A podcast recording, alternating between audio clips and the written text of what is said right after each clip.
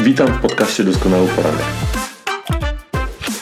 Nazywam się Bartłomiej Noga i wspólnie z Rafałem Szymańskim oraz zaproszonymi gośćmi rozmawiamy na tematy związane z pracą zespołową, przywództwem, porozumiewaniem się i rozwojem osobistym.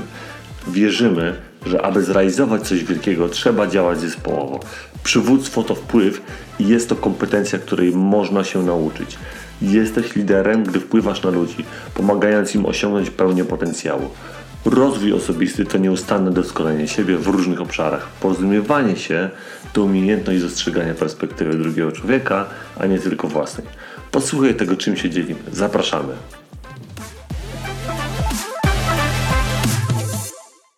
Słuszne postępowanie jest wspaniałe. Uczenie słusznego postępowania jest jeszcze wspanialsze i znacznie łatwiejsze. Tymi słowami Marka Twaina witam Was serdecznie na kolejnym naszym spotkaniu, na doskonałym poranku. Nasz cykl porozumiewanie się jako kluczowa umiejętność i temat dzisiejszego spotkania autentyczność, czyli to, co mówię, jest zgodne z tym, co robię i jak żyję. I naszym gościem dzisiaj którego witam bardzo serdecznie, witam Cię Adrian bardzo serdecznie, jest właśnie Adrian Wrociński, człowiek z bogatym, ponad 20-letnim doświadczeniem zawodowym na różnych stanowiskach specjalistycznych i w różnych branżach. To były stanowiska i kierownicze w branżach IT, produkcyjnych, usługowych, więc to doświadczenie związane z komunikowaniem się z ludźmi z różnych środowisk, różnych branży jest, myślę, tutaj taką bardzo cenną rzeczą.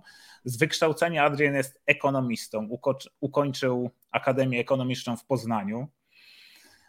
Dodatkowym takim, taką rzeczą, w której edukował się Adrian, jest taka, taką ciekawostką, co mnie szczególnie zaskoczyło, bo nie wiedziałem o tym, jest muzykiem lutnikiem. Ukończył liceum muzyczne w Poznaniu. Także to też taka ciekawe zainteresowanie. W 2004 roku wspólnie z żoną założył firmę rodzinną która zajmuje się doradztwem personalnym. Firma nazywa się Milado Centrum Rozwoju Personalnego. Także link umieścimy później pod naszym e, live'em w komentarzach. Jest również w linku w poście zapowiadającym, więc można zerknąć, zobaczyć. Jeżeli ktoś jest zainteresowany, zapraszamy do skorzystania z usług firmy Adriana i jego żony Kamili. Adrian przez 10 lat spełniał się w roli rekrutera i koordynatora projektów rekrutacyjnych i szkoleniowych. Pasjonuje się pomaganiem innym i dzieleniem się praktyczną wiedzą. Przeprowadził wiele godzin szkoleniowych, wiele, wielu osobom e, pomógł przy wyborze zawodu, zajmował się doradztwem zawodowym. Od ośmiu lat pełni rolę konsultanta biznesowego, takiego doradcy strategicznego i personalnego. Prowadzi sesje mentoringowe i coachingowe dla liderów, menadżerów i pracowników firm. Jest trenerem z zakresu budowania i wdrażania strategii zarządzania i przywództwa. Jest również certyfikowanym trenerem FRISA, czyli stylów osobowości i od 2014 roku jest aktywnym członkiem organizacji Toastmasters International, gdzie rozwija swoje umiejętności i liderskie, i umiejętności publicznego przemawiania. W tej organizacji osiągnął najwyższe odznaczenie Distinguished Toastmasters, także jest, gratuluję Adrian, super, super osiągnięcie. Od 2018 jest certyfikowanym coachem, trenerem i mówcą w John Maxwell Team, obecnie Maxwell Leadership Certified Team, to zmieniła się nazwa naszej organizacji. Od 2021 uczestniczy w programie Mentorship właśnie w e, MLCT i prywatnie jest mężem i ojcem trójki dzieci i pasjonuje się nie tylko przywództwem i rozwojem, ale również muzyką i sportem. Adrian, witam Cię bardzo serdecznie. Mikrofon idzie do Ciebie, żebyś mógł się przedstawić. Witam serdecznie. Bardzo Ci dziękuję za zapowiedź. Tak słucham, to myślę, Jezu, ile to czasu już minęło. No, ale rzeczywiście tak. Myślę, że też przede wszystkim myśląc o sobie, to, to mam na myśli też ten ostatni 8-10 lat takiego świadomego rozwoju i wsparcia liderów w zakresie, właściwie w każdym zakresie, bo zaczynamy od tego przede wszystkim tego rozwoju wewnętrznego, tej świadomości, i to jest to, czym się zajmuję, a później to przekładamy na firmę, po to, żeby pomagać liderom budować szczęśliwe firmy, w którym ludzie spełniają się, którzy, którzy realizują siebie i dzięki temu też te firmy rosną i skalują się, tak? Bo to jest myślę, że też istotne, że często te firmy mają taką chęć no po prostu poszerzania się i posiadania większego wpływu na, na świat, tak szczerze mówiąc. I to jest piękna podróż. O, tak na uzupełnienie. Super. Dzięki Adrian Bartek. Mikrofon idzie do Ciebie. E, witam e, moi drodzy. Ja już się nie mogę doczekać tego dzisiejszego spotkania i nie ukrywam, że jest to bardzo istotny temat dla mnie. Zresztą w ostatnim e, naszym live też był poruszany tak de facto troszkę już pokątnie, także dzisiaj trochę go rozszerzymy i opowiemy jakieś nasze historie, nasze doświadczenia w tym kontekście. Tak, także kochani, widzę, że dołączacie. Bardzo nam jest miło, że wstaliście w niedzielę o tej 8.30, żeby dołączyć do nas. Także pozdrawiamy wszystkich, którzy są na żywo. Pozdrawiamy również wszystkich tych, którzy będą nas słuchali później z odtworzenia. To też jest dla nas bardzo ważne, także super, że jesteście. Słuchajcie, zaczynamy. Adrian, najpierw zapytam Ciebie, jak to jest u Ciebie z tą autentycznością? Jakie Ty masz doświadczenia, przemyślenia z tym związane? Jak Ty pracujesz nad, tą, nad budowaniem tej swojej autentyczności? Jak Ty to rozumiesz? Mhm. Autentyczność, czyli pewnie gdzieś to jest synonim prawdziwości. Pytanie, kiedy jesteśmy prawdziwi, to takie filozoficzne, myślę, spojrzenie na to. E, spojrzenie Johna Maxwella, bo też opieramy się o ten rozdział, ostatni rozdział książki, E, Johna Maxwella i od razu pomyślałem tak, mówię, najczęściej nam się kojarzy jak ostatni, to wiecie, tak to nie najistotniejsze. E, książki Johna Maxwella, ja zauważyłem, mają to do siebie, że w ostatnim rozdziale są najważniejsze rzeczy.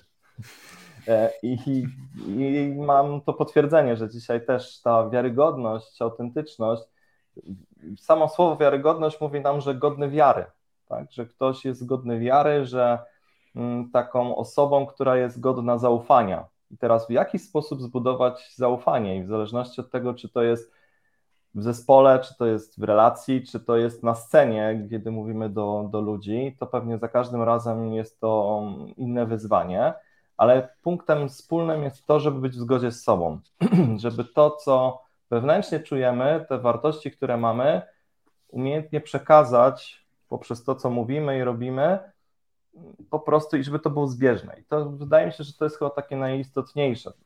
E, to nie jest proste, bo to się łatwo mówi, tak jak my dzisiaj rozmawiamy, i teraz my tu będziemy o tym mówić, a z drugiej strony wiarygodność się buduje wtedy, kiedy ludzie widzą to, w jaki sposób funkcjonujemy, versus to, co, o czym mówimy. I dla nas, osób, które też dzielą się tą wiedzą, bardzo istotne jest to, żeby być zbieżnym z tym, co robimy.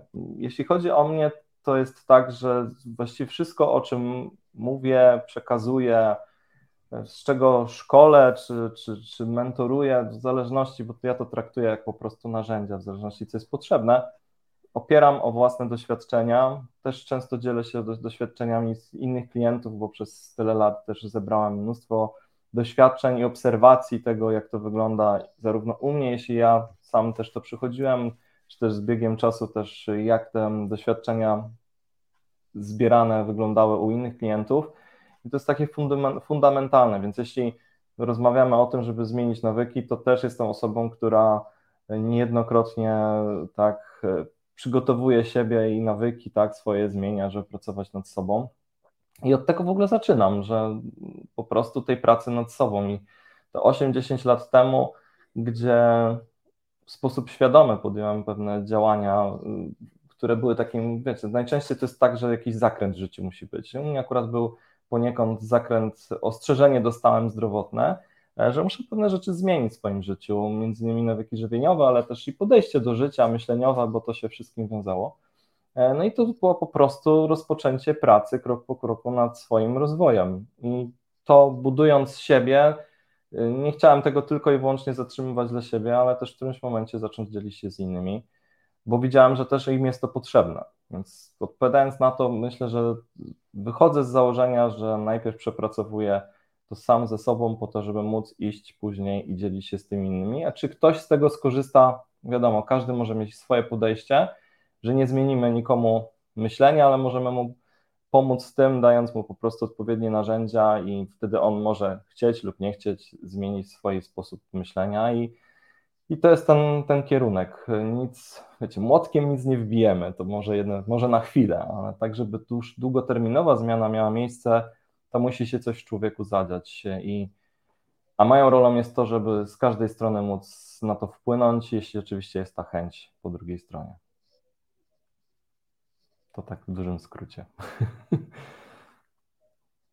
Mhm, dzięki Adrian e, za to, co powiedziałeś. Rzeczywiście to takie ważne rzeczy, które poruszyłeś, właśnie mhm. to, to budowanie tej autentyczności jest no, takim procesem, który mm, musi potrwać w czasie, tak? To nie jest coś, co zbudujemy tak po prostu od razu. Powiemy sobie dzisiaj, od dzisiaj będę autentyczny, wszyscy mi będą wierzyli, wszyscy będą wiedzieli, o czym mówię i tak dalej. Nie? Więc to, to jest, to tutaj bardzo Ci dziękuję za przedstawienie tego. Bardzo fajnie o tym powiedziałeś.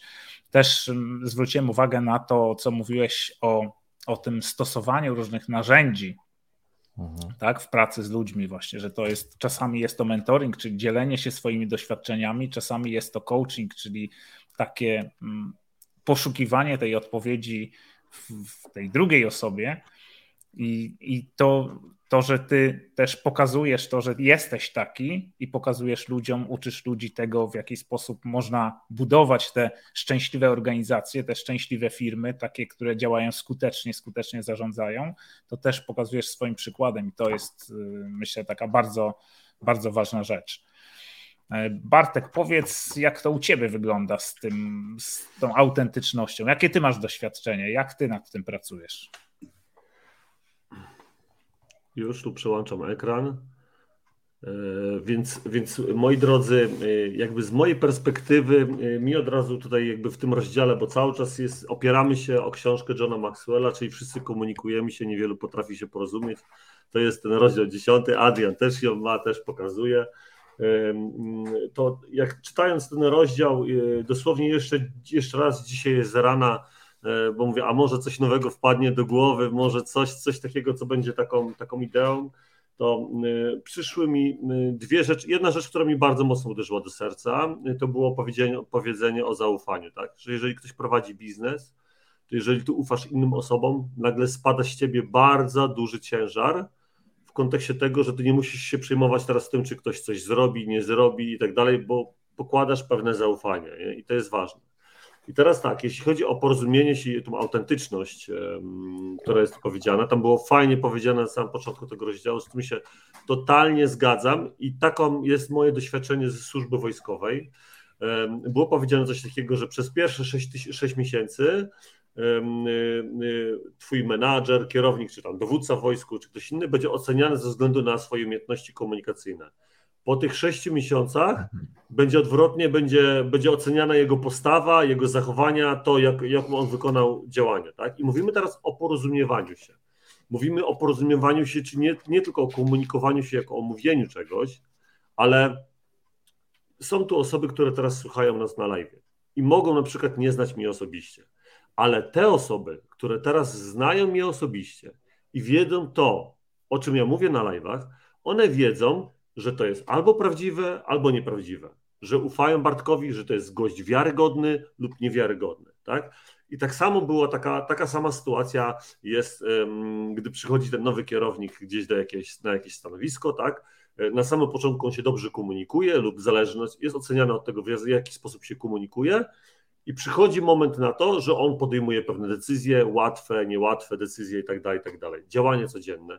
I po tym czasie on zaczyna nie być oceniany ze względu na to, jak on się komunikuje, tylko ze względu na to, jaką postawę przyjmuje. I to jest też kolejny etap porozumiewania się. I trzeba to trzeba po prostu sobie to uświadomić, że każdy nasz krok to jest porozumiewanie się. To jest tak jak tak w taki najprostszy sposób skrócając to wszystko, to jest to, że dziecko nie, nie słucha tego, co ty mówisz, tylko patrzy, co ty robisz i będziecie naśladować później. I tak samo jest z osobą dorosłą, tak? Osoby, jeżeli jesteś teraz menedżerem, dyrektorem, dowódcą, to nikt cię, na samym początku cię będzie ktoś ocenił za to, że elokwentnie, ładnie się wypowiadasz i tak dalej, i tak dalej, ale przyjdzie moment, w którym ty będziesz podejmował decyzję, będziesz przyjmował pewną postawę w stosunku do innych osób, jak się będziesz zachowywał w sytuacji kryzysowej, jak będziesz się zachowywał w sytuacji problemu, jak się będziesz zachowywał w sytuacji, w której ktoś popełni jakiś problem, jakiś błąd popełni.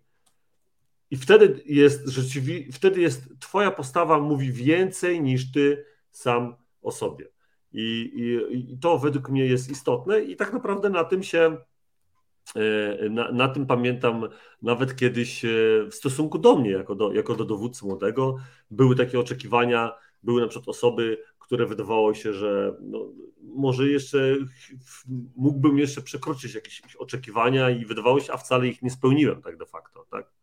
Czyli to pokazuje, że po pierwsze miałem jeszcze dużo do nauczenia się, to jest pierwsza sprawa, a że a z ich strony właśnie, że one przyjęły tą postawę, tak, że najpierw oceniają mnie w taki sposób pozytywny, a później zobaczymy, co się będzie działo. No i działo się różnie, tak, także to już jest kolejny krok e, nauki.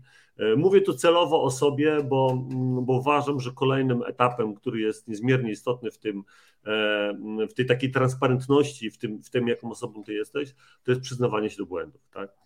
No. To nie jest tak, że tutaj każdy z nas, Rafał, Adrian czy Bartek występuje i my jesteśmy idealni i zawsze byliśmy idealni. Nie, no my musieliśmy sami popełnić pewne błędy i tych błędów dużo popełnić, żebyśmy mogli dalej, e, żebyśmy mogli dalej, e, żebyśmy teraz mogli przekazać jakąś wiedzę czy jakieś doświadczenie, tak? Bo my po prostu przejechaliśmy się na pewnych rzeczach, tak? Ten nasz, e, że tak powiem, staliśmy na czymś pięty. E, I, i, tak. I, to jest prawda. I to według mnie jest niezmiernie istotne, żeby się przyznawać do błędów. Tak samo jak dla mnie niezmiernie istotne jest, żeby przyznawać się do słabości. Adrian, e, e, było powiedziane, że Adrian też jest trenerem Freeze.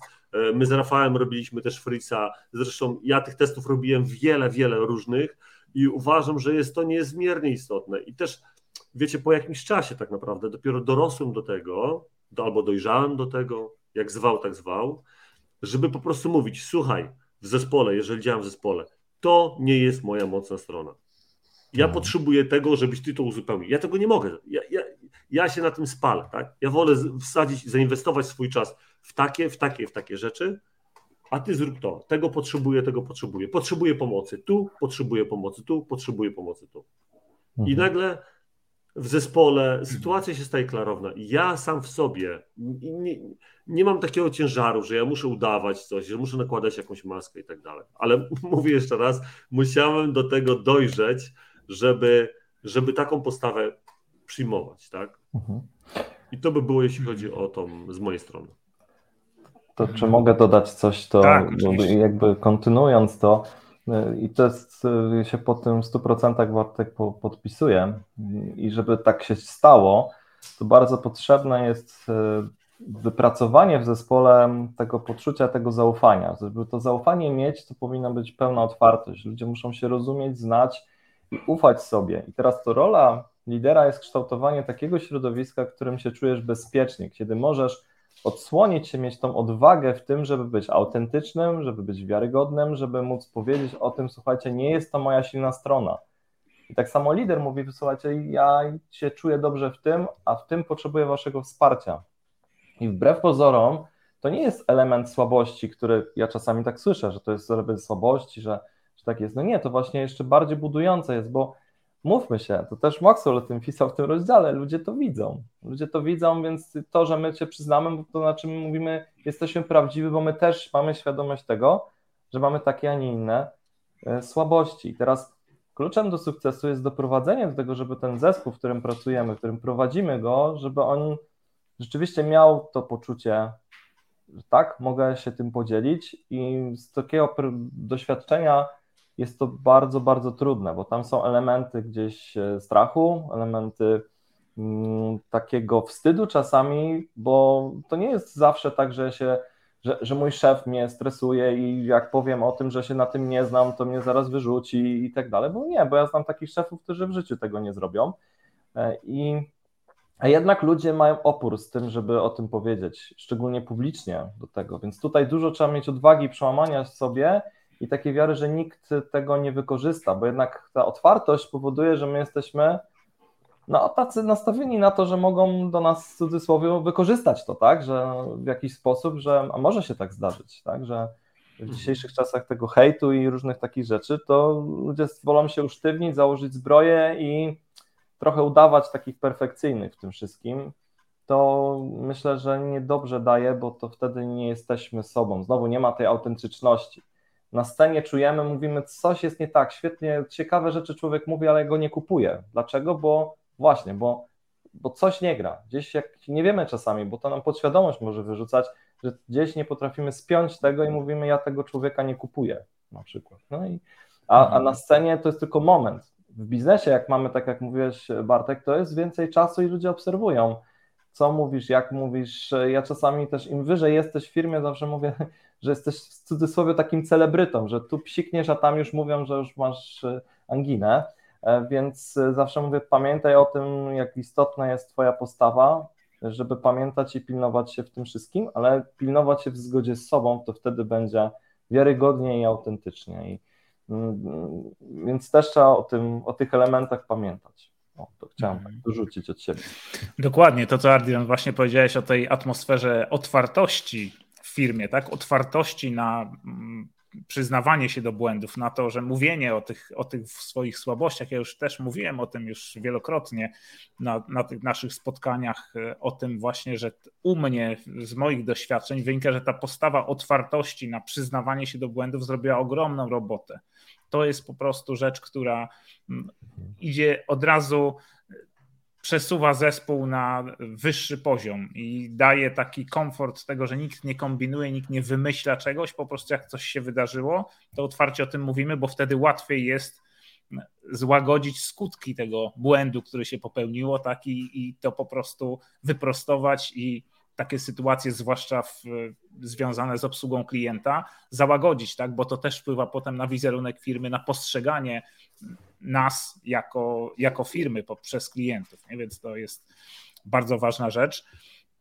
No i, i też to, ta umiejętność przyznawania się do błędów, no to wiemy o tym dokładnie, że przyznawanie się do błędów to jest możliwe tylko wtedy, kiedy mamy poczucie własnej wartości, tak? Kiedy mamy wysokie poczucie własnej wartości, wiemy, że to nie jest tylko budowany domek z kart albo zamek na piasku, tak? który za chwilę pod wpływem jakiejś emocji, zdarzenia czy, czy sytuacji takiej, która zweryfikuje tą autentyczność, od razu się rozpadnie. Tak? Jeżeli mam wysokie poczucie własnej wartości, to nie mam problemu z tym, żeby przyznawać się do błędów.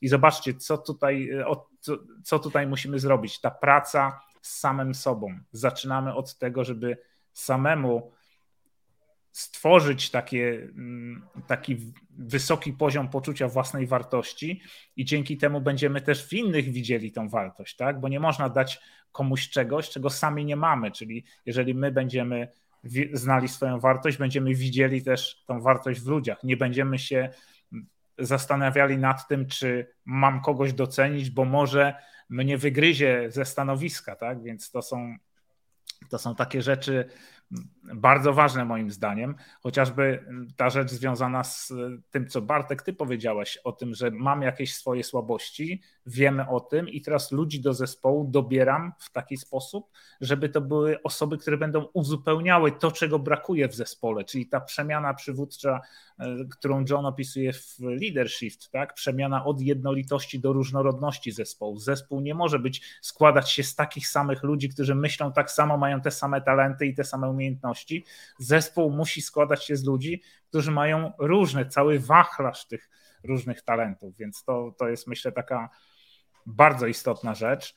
I tutaj patrząc tak, co mnie zainteresowało tutaj w tym rozdziale, na co ja zwróciłem tak najbardziej mm, uwagę, to takie, można powiedzieć, trzy takie rzeczy, które mm, tak zebrałem jako takie zdania. Tak? Czyli wiarygodność to umiejętność takiego pokazywania zarówno swoich mocnych, jak i słabych stron. Czyli nie tylko właśnie mocnych stron, ale w tych słabych stron. Dzięki temu y, jestem, jak to ty, Adrian, powiedziałeś, godny wiary, tak? Czyli ludzie będą mi wierzyli, bo też oni widzą, że ja mam jakieś swoje słabe strony. Jeśli ja udaję, że ich nie widzę, albo przed nimi udaję, że ich nie widzę, albo w ogóle ich po prostu nie znam, tak? I, i nie poznałem i nie wiem, jak, jakie one są, no to wtedy ludzie będą wiedzieli, że to, co mówię, nie jest zgodne z tym, co robię. Tak? Druga rzecz, która mi tak bardzo tutaj zarezonowała, to jest łatwiej jest uczyć właściwego postępowania niż właściwie postępować. Tak? Czyli to udzielanie mhm. dobrych rad musi iść w parze z dawaniem dobrego przykładu. Nie może to być tego takiego rozdźwięku. Tak? I ostatnia rzecz, taka, która właściwie podsumowuje, to sposób, w jaki żyjesz, jest przekazem, tak? bo to jest, to jest taka no, moim zdaniem bardzo istotna rzecz, bo ta, ta umiejętność y, pokazywania swoich słabych i mocnych stron, to w ogóle poznawanie swoich mocnych stron powinno iść w parze z poznawaniem swoich słabych stron, czyli nie tylko mocne strony, ale właśnie też poznaję, jakie są moje słabe strony.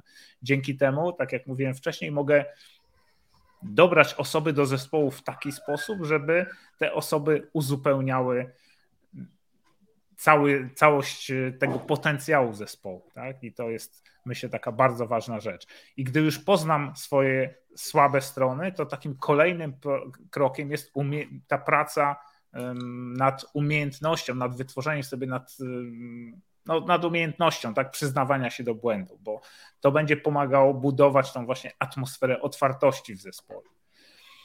Bo to jest, to jest ten przykład, tak to prowadzenie przykładem, czyli jeżeli lider przyznaje się do błędów, to również członkowie zespołu przyznają się mhm. do błędów. Zaczynają widzieć, że to jest taka normalna rzecz, skoro mój lider się przyznaje, to ja też się mogę przyznać i to wtedy nie będzie piętnowane, tak jak ty Adrian powiedziałeś, zwolnieniem z pracy albo czymś, co po prostu muszę ukrywać swoje słabe strony, bo, bo zostanę zwolniony. Tak? Jeśli potrafisz się przyznać do błędów, jako lider dajesz przykład, to ludzie, z którymi pracujesz, również będą się przyznawali, bo będą widzieli, że to jest coś normalnego, tak? że to nie jest nic takiego, co, co spowoduje jakieś duże konsekwencje. Tak? I myślę, że to też trzeba otwarcie powiedzieć, że popełnianie błędów jest akceptowane. Tak? To, to jest, myślę, też ważna rzecz, żeby w ogóle ludzie chcieli się przyznawać do błędów. Także akceptuję to jako lider, że możemy popełniać błędy, że każdy może popełnić błąd i ten błąd po prostu później go trzeba naprawić. Im szybciej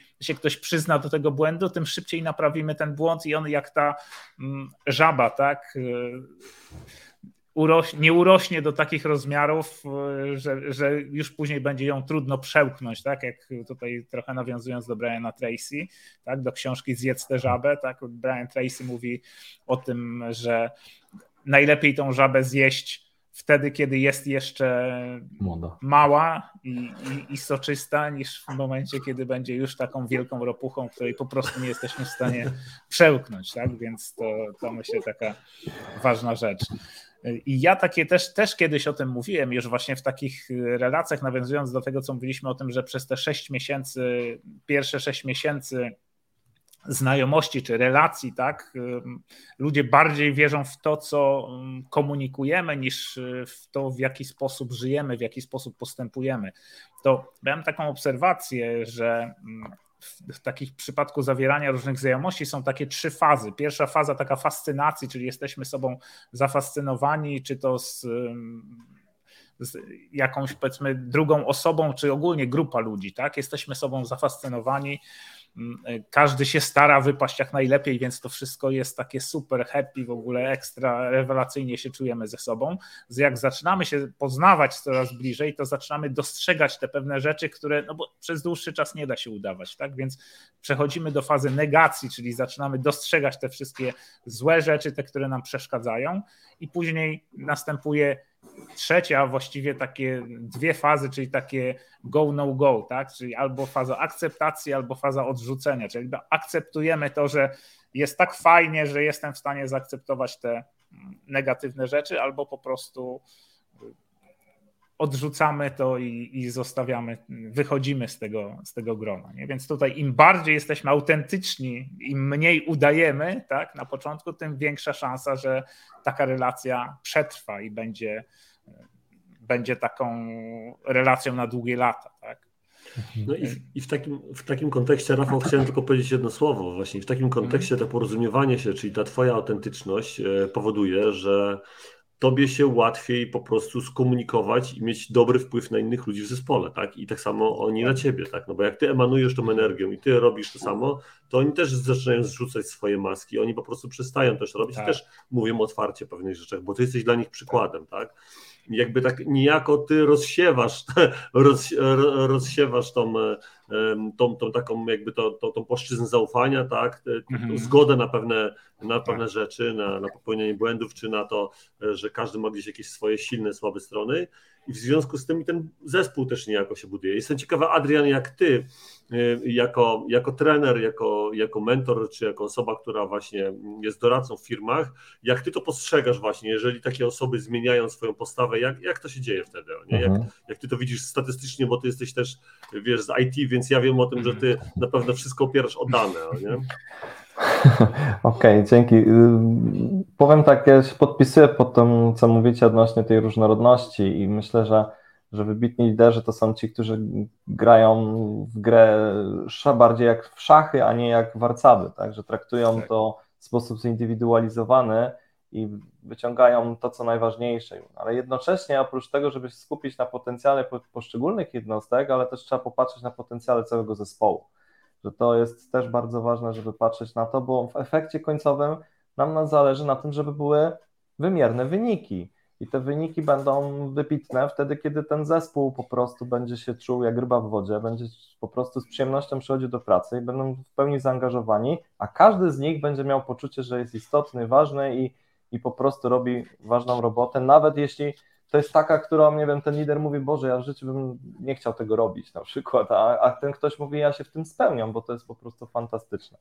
I druga rzecz, tu chciałem powiedzieć a propos słabości, bo jak tu też wspomnieliście o, o narzędziach i tak dalej, one też mi w którymś momencie uświadomiły, że postrzeganie ludzkich słabości to czasami nie zawsze jest to do końca słabość, że słabością może być to, że coś jest, że to jest tak naprawdę przejaskrawiona nasza silna strona, E, I to, czy taka niekiełznana silna strona, i że to wcale nie jest tak, że to jest jakiś deficyt nasz, tylko być może my za bardzo wykorzystujemy, albo nie jest to jeszcze istotny sposób za, zarządzany, czy taki po prostu tak dobrze, taki oszlifowany nasz talent. I warto się też temu przyjrzeć, że czasami to, co my postrzegamy jako coś, co jest, no nie wiem, słabością czyjąś, to być może okaże się, że to jest jego właśnie mocna strona, która jest przejaskrawiona i warto też na to spojrzeć i powiem Wam, że to dosyć często ma miejsce, nie? że tak się okazuje, że ja myślałem, że to moja słabość jest. Ja mówię, nie, to jest Twoja siła, teraz mądrze zarządzaj, żeby Ciebie ani Twojego otoczenia nie ograniczała, tylko żebyś jak najlepiej spełniała ten swój talent. Więc e, to tak przy okazji temat mi gdzieś się pojawił. świetnie powiedziane, Adrian, świetnie powiedziane, bo to jest ta druga, druga strona mocy, jeśli tak jak na przykład ktoś robi test i wydaje mu się, na przykład później mówi, ja myślałem, że to zawsze jest taka, zawsze miałem jakieś negatywne e, feedback na przykład, w związku z tym, że robiłem, wykonywałem pewne rzeczy w taki, a nie w inny sposób, a to się okazywało, że to była właśnie ta nie, nieujarzmiona, że tak powiem, siła, mhm. jego mocna strona tak naprawdę, to jest super, bardzo fajnie powiedziane, no, mhm. mega istotne.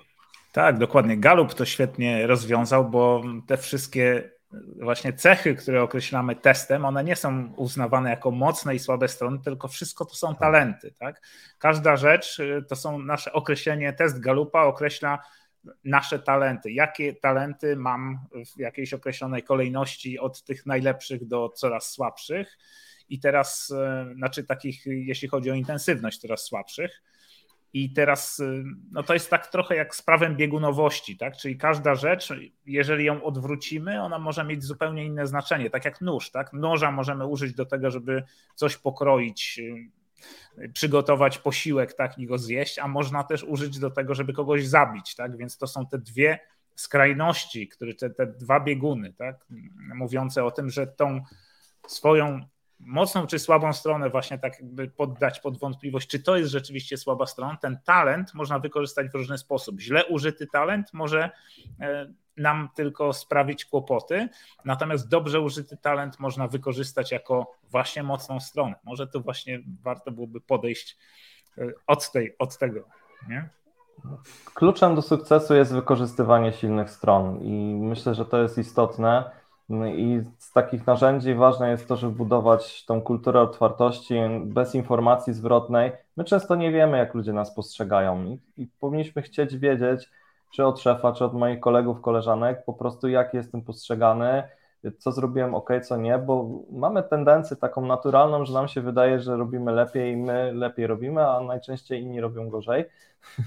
Może nie wszyscy, ale, ale no taka natura, tak natura, że my po prostu znamy swoją intencję, a to jak wychodzi, to czasami nie widzimy, bo my nie widzimy, jak my zachowujemy się, za to widzimy, jak inni się zachowują, nie wiedząc, jaka jest intencja. No chyba, że ktoś z tą intencją e, przyjdzie i powie nam o tym. I to jest ta, ta, ta sztuka w tej komunikacji, żeby taki sposób komunikować się, słuchać się wzajemnie, żeby złapać tą intencję, dlaczego taka jest, a nie inna.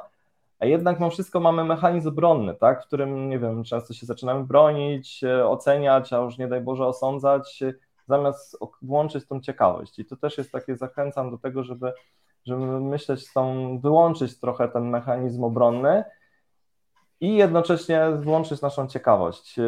Budując środowisko bezpieczne, jest łatwiej nam to wdrożyć, ponieważ wtedy ludzie mówią, ok, przecież on wiem, że mogę na niego liczyć, że on nie mówi mi tego, że chce mi dopiec, tylko dlatego, że po prostu chce, jak ta informacja po angielsku feedback, chce nas nie nakarmić, chce mi coś powiedzieć, żebym ja to wziął pod wzgląd i się rozwinął.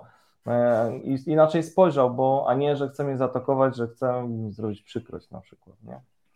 Tak, dokładnie. W cyklu Złote Zasady Przywództwa mówiliśmy właśnie o tej jednej z zasad, o tej, o tej umiejętności reagowania na krytykę. Tak? To jest właśnie to ważne, to, ta konstruktywna krytyka, przyjęcie tej konstruktywnej krytyki, otwarcie się w ogóle na konstruktywną krytykę. To, co Adrian powiedziałeś, że ta otwartość, tak, dajcie mi feedback, tak? Dajcie mi informację zwrotną, co robię nie tak. Nie? Bardzo często ludzie boją się o to zapytać, tak? bo boją się usłyszeć krytykę, tak? bo zawsze łatwiej jest, lepiej jest słyszeć e, dobre słowa na swój temat, niż słyszeć, że coś robię nie tak, ale jeżeli ta krytyka właśnie będzie konstruktywna, czyli taka, która ma przynieść jakiś zwrot, ma przynieść jakąś informację, dzięki czemu możemy zmienić to, co robimy do tej pory i zrobić to w inny sposób, w taki, który będzie właściwy, to, no to, to będzie miało same takie pozytywne odniesiemy z tego same korzyści, tak? Natomiast jeżeli no, będzie to krytyka na zasadzie takiej, że dostaniemy po prostu po głowie i po, skulimy się i pójdziemy gdzieś tam w kąt się wypłakać, no to w tym momencie nie da to żadnych takich pozytywnych rezultatów, a wręcz przeciwnie, obniży poczucie własnej wartości. Więc to ta wracamy cały czas do tej otwartości w zespole, tak? Otwartość na to, żeby dawać sobie feedback, tak? Dawać sobie tą informację o tym, co robię nie tak i też ważne, co robię dobrze, tak? Czyli mhm. zarówno dostrzeganie tego, co, co się robi dobrze, żeby to wzmocnić i mówienie o tym, co się robi źle, żeby nie brnąć w tym kierunku, nie iść tą złą drogą, tylko pójść tam, gdzie, gdzie będą lepsze rezultaty i lepsze wyniki. Mhm.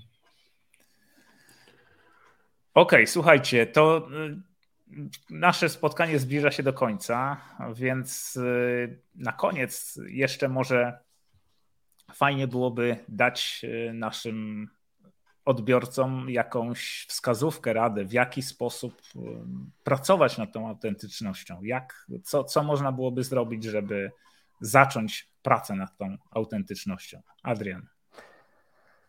Ja myślę, że fundamentalną rzeczą jest to, żeby być świadomym tego, co jest dla mnie ważne, co jest częścią mnie, jakie mam te gdzieś zakończone głęboko wartości. To jest raz. Druga sprawa to to, żeby cały czas, można powiedzieć, monitorować i być świadomy swoich silnych stron i słabych stron i też umiejętnie komunikować, tak? To tutaj też na, w komentarzach widziałem, żeby zachować umiar jak najbardziej. Właśnie to nie jest tak, żeby cały czas tam się, nie wiem, sabobiczować w tym wszystkim, bo to może nam umniejszyć wartości, nie, nie, nie w tym rzecz, więc tutaj warto o tym pamiętać, żeby to było zbieżne. Trzecia rzecz, wydaje mi się, że być otwartym i słuchać, co ludzie mówią i nawet w tej krytyce, która niekoniecznie zawsze musi być konstruktywna, bo możemy się z nią zgadzać lub się nie zgadzać, ale poszukiwać tego tego korzenia, tego źródła, co tak naprawdę w tej drugiej stronie, po drugiej stronie chodzi i co ma na myśli, bo uważam, że to też trzeba mieć odwagę, żeby, żeby wyrazić tą krytykę i nie zawsze jest tak, że ta krytyka musi być taka, wiecie, spod igły wzięta. Ja spotykam się z tym, że właśnie nie ma najczęściej tego, tej informacji zwrotnej, bo ludzie się po prostu gdzieś tam kontrolują w tym wszystkim i takiej sytuacji jest bardzo trudno wiedzieć, w którą stronę się rozwijać, więc naprawdę ta otwartość, przełamanie tych lodów i mówienie szczerze, jak jest, najlepiej tym komunikatem takim asertywnym, mówienie, co, co mi to robi, e, po drugiej stronie używając faktów jest takim kluczowym. Zachęcam do tego, żeby pamiętać o tym, nawet jeśli po drugiej stronie ktoś się gdzieś, tak jak powiedziałeś, zamknie w sobie, to, to też zareagować, powiedzieć, mówię, ok, poczekaj, to ja Ci powiem, jaka była moja intencja, żeby tutaj nie zostawiać takiej tej sytuacji, bo przecież nam nie zależy na tym. Jeśli idziemy i komuś chcemy dać informację zwrotną, to nie chcemy, żeby ten ktoś się pomniejszył, tylko chcemy mu, tak jak mówiliśmy, to dać mu wartość, tak, dodać mu tą wartość. Jeśli się widzisz po drugiej stronie, że tak się nie dzieje, to warto do tego wrócić i może jeszcze raz przeformułować to, co chcemy przekazać. Więc trzymam kciuki za tą pracę. To jest długi proces, jednak powiem Wam tak, zrobienie małych kroków w kierunku bycia coraz bardziej asertywnym daje bardzo duże efekty, więc mały krok, który czyni cuda, który dużo efektów daje, więc trzymam kciuki za, za rozwój w tym obszarze.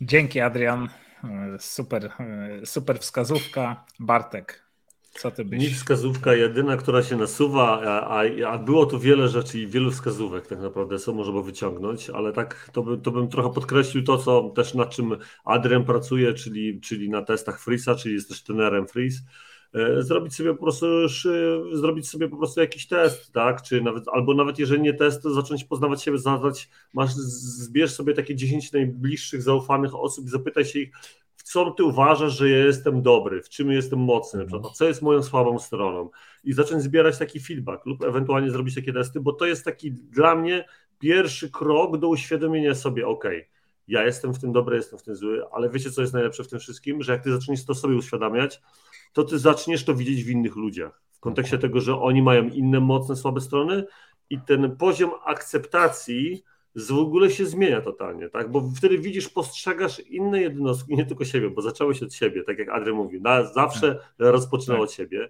rozpoczęło od siebie, ale później to się przekłada też na twój punkt widzenia na inne osoby, tak? I dla mnie to jest niezmiernie istotne, dlatego gorąco zachęcam. Ja tych testów zrobiłem wiele różnych, mógłbym tu ich wymieniać naprawdę, nie wiem, z 10 przynajmniej i każdy z nich wniósł, wniósł coś dobrego w moje życie, także uważam, że jest to niezmiernie istotne. I to polecam zrobić takie testy na sam początek. Lub feedback od bliskich osób. Dzięki Bartek. Też świetna wskazówka. Ja do tego dołożę jeszcze swoją. Tak tutaj znalazłem taki cytat Johna Woodena, słowa, które niosą taki bardzo fajny przekaz ze sobą. Nie mów mi, co potrafisz, tylko mi pokaż, czyli mhm. nie, nie, nawiązując do tego, co wcześniej mówiłem, tak, to nie dawaj dobrych rad, tylko dawaj dobry przykład. Myślę, że to jest taka rzecz, która tutaj zamknie klamrą to, co wy powiedzieliście, to, to, co, to o czym mówiliśmy też przez, cały nasz, przez nasze całe spotkanie. Kochani, na tym zakończymy. Dziękujemy serdecznie za Waszą obecność. Widzę, że tu mamy bardzo dużo komentarzy, także jesteśmy Wam niezmiernie wdzięczni za to. Będziemy mieli mm, y, na, na co odpisywać, tak? bo na każdy komentarz odpiszemy po live. Tak, taki, taki przyjęliśmy sposób działania. Nie odnosimy się do nich w trakcie live'a, ale zawsze odpowiadamy na każdy komentarz. Ci, którzy są stałymi uczestnikami, wiedzą o tym doskonale. Także Ciebie, Adrian, też zachęcamy do tego, żebyś włączył się i też odpowiedział na te komentarze. Będzie nam bardzo miło. Dziękuję Tobie, że zgodziłeś się wziąć udział w, w naszym doskonałym poranku i, i podzieliłeś się takim doświadczeniem, wartościowym doświadczeniem, wartościowymi informacjami. Dla mnie są to bardzo ważne rzeczy i, i, ogromnie Ci za to dziękuję.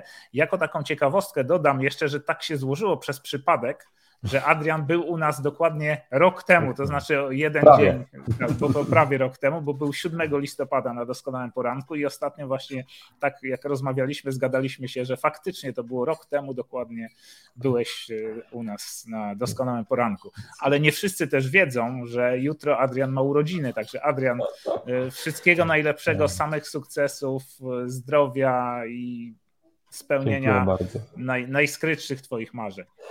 O, dziękuję, dziękuję bardzo. Więc mamy taką dobrą e, konsekwencję w tych spotkaniach, więc myślę, że zobaczymy, czy za rok się spotkamy w takim tak. razie. Adrian, Adrian, pomyśleć, przede wszystkim pomyśleć. bardzo się cieszę. Moi drodzy, moi drodzy, aha, okej, okay, Adrian, mów, mów, mów Bardzo Wam dziękuję, bardzo mi miłe, miło. Poza tym gratuluję Wam tego, że cały czas e, macie konsekwencje w tym działaniu. Ostatnio słuchałem i naprawdę też podpisuję się pod tym, bo, bo, ostatni wasz gość Wojtek też mówił o tym, e, że żeby mieć konsekwentnie działać i tyle wartości dajecie i super sprawa, więc trzymam kciuki, więc nie wyobrażam sobie tego, że za rok nie będzie doskonałego poranku. My też sobie nie wyobrażamy, także super. Okej, okay. Okay. Słuchajcie, a nawiązując do tego tematu konsekwencji, bo dzisiaj zakończyliśmy e, właśnie jakby nasz cykl, czyli wszyscy się komunikujemy, niewielu potrafi się porozumieć i rozpoczynamy już od przyszłego tygodnia kolejny cykl e, myśl kategorią zmiany. W związku z tym, że tych zmian na, na świecie cały czas jest wiele, e, myślę, że to będzie dla Was bardzo wartościowa książka e, i, e, no i goście i wszystko to, o czym będziemy mówić, dzielić się swoimi naszymi doświadczeniami i tym, w książce. Zachęcamy generalnie przed rozpoczęciem tego cyklu, aby każdy z Was kupił sobie tą książkę, obojętnie gdzie, no bo to każdy z Was może sobie kupić, gdzie będzie chciał. Myśl kategoriami zmiany Johna Maxwella. Mm, książka warta przeczytania, warta pochylenia się. E, zachęcam do niej, zapraszam.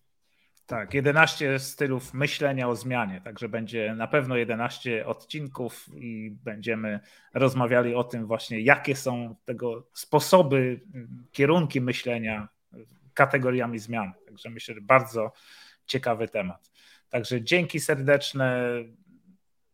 Życzymy Wam wspaniałej niedzieli i do zobaczenia, do usłyszenia za tydzień. A tych wszystkich, którzy będą słuchali tego, chcieliby przesłuchać jeszcze raz na przykład tego naszego odcinka, możecie zrobić to również na przykład podczas jazdy samochodem słuchając podcastu na Spotify, Apple Podcast i Google Podcast, także wystarczy wpisać doskonały poranek, nasze logo e, się pojawi i można te, przesłuchać sobie te odcinki, które już zostały umieszczone i tych bardzo ciekawych rozmów z naszymi gośćmi. Dzięki serdeczne, pozdrawiamy. Jeszcze raz wspaniałej niedzieli. Dziękuję bardzo, pozdrawiam. Dzięki, wszystkiego dobrego, hej.